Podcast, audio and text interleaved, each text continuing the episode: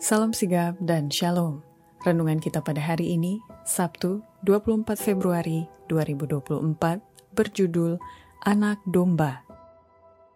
Ayat intinya terdapat di dalam Ibrani 10 ayat 1. Dan karena kehendaknya inilah kita telah dikuduskan satu kali untuk selama-lamanya oleh persembahan tubuh Yesus Kristus.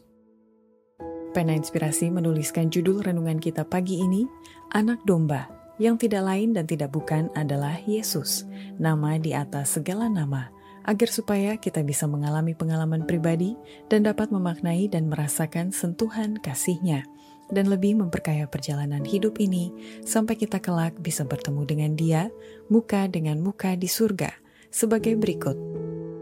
Pertama, karena Yesus adalah anak domba yang sebenarnya, makanya ia yang berada di tengah-tengah tata itu dan mengembalakan para pengikutnya dan akan menuntun mereka ke mata air kehidupan.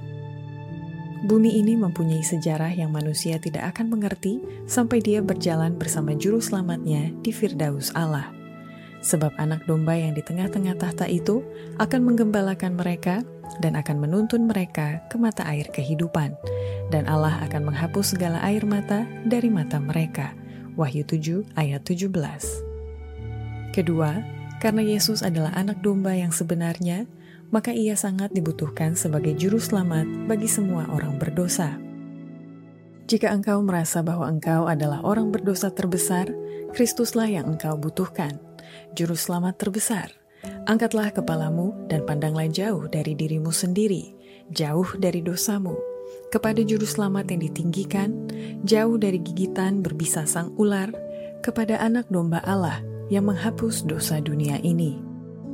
Ketiga, karena Yesus adalah anak domba yang sebenarnya, maka ia yang duduk di atas tahta itu dan membentangkan kemahnya di atas para pengikutnya, sehingga mereka tidak akan menderita lapar dan dahaga lagi.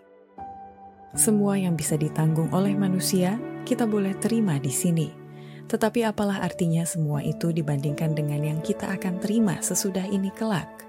Di sana, mereka berdiri di hadapan tahta Allah dan melayani Dia siang malam di bait sucinya.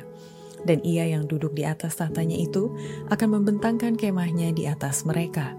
Mereka tidak akan menderita lapar dan dahaga lagi, dan matahari atau panas terik tidak akan menimpa mereka lagi sebab anak domba yang di tengah-tengah tahta itu akan menggembalakan mereka dan akan menuntun mereka ke mata air kehidupan.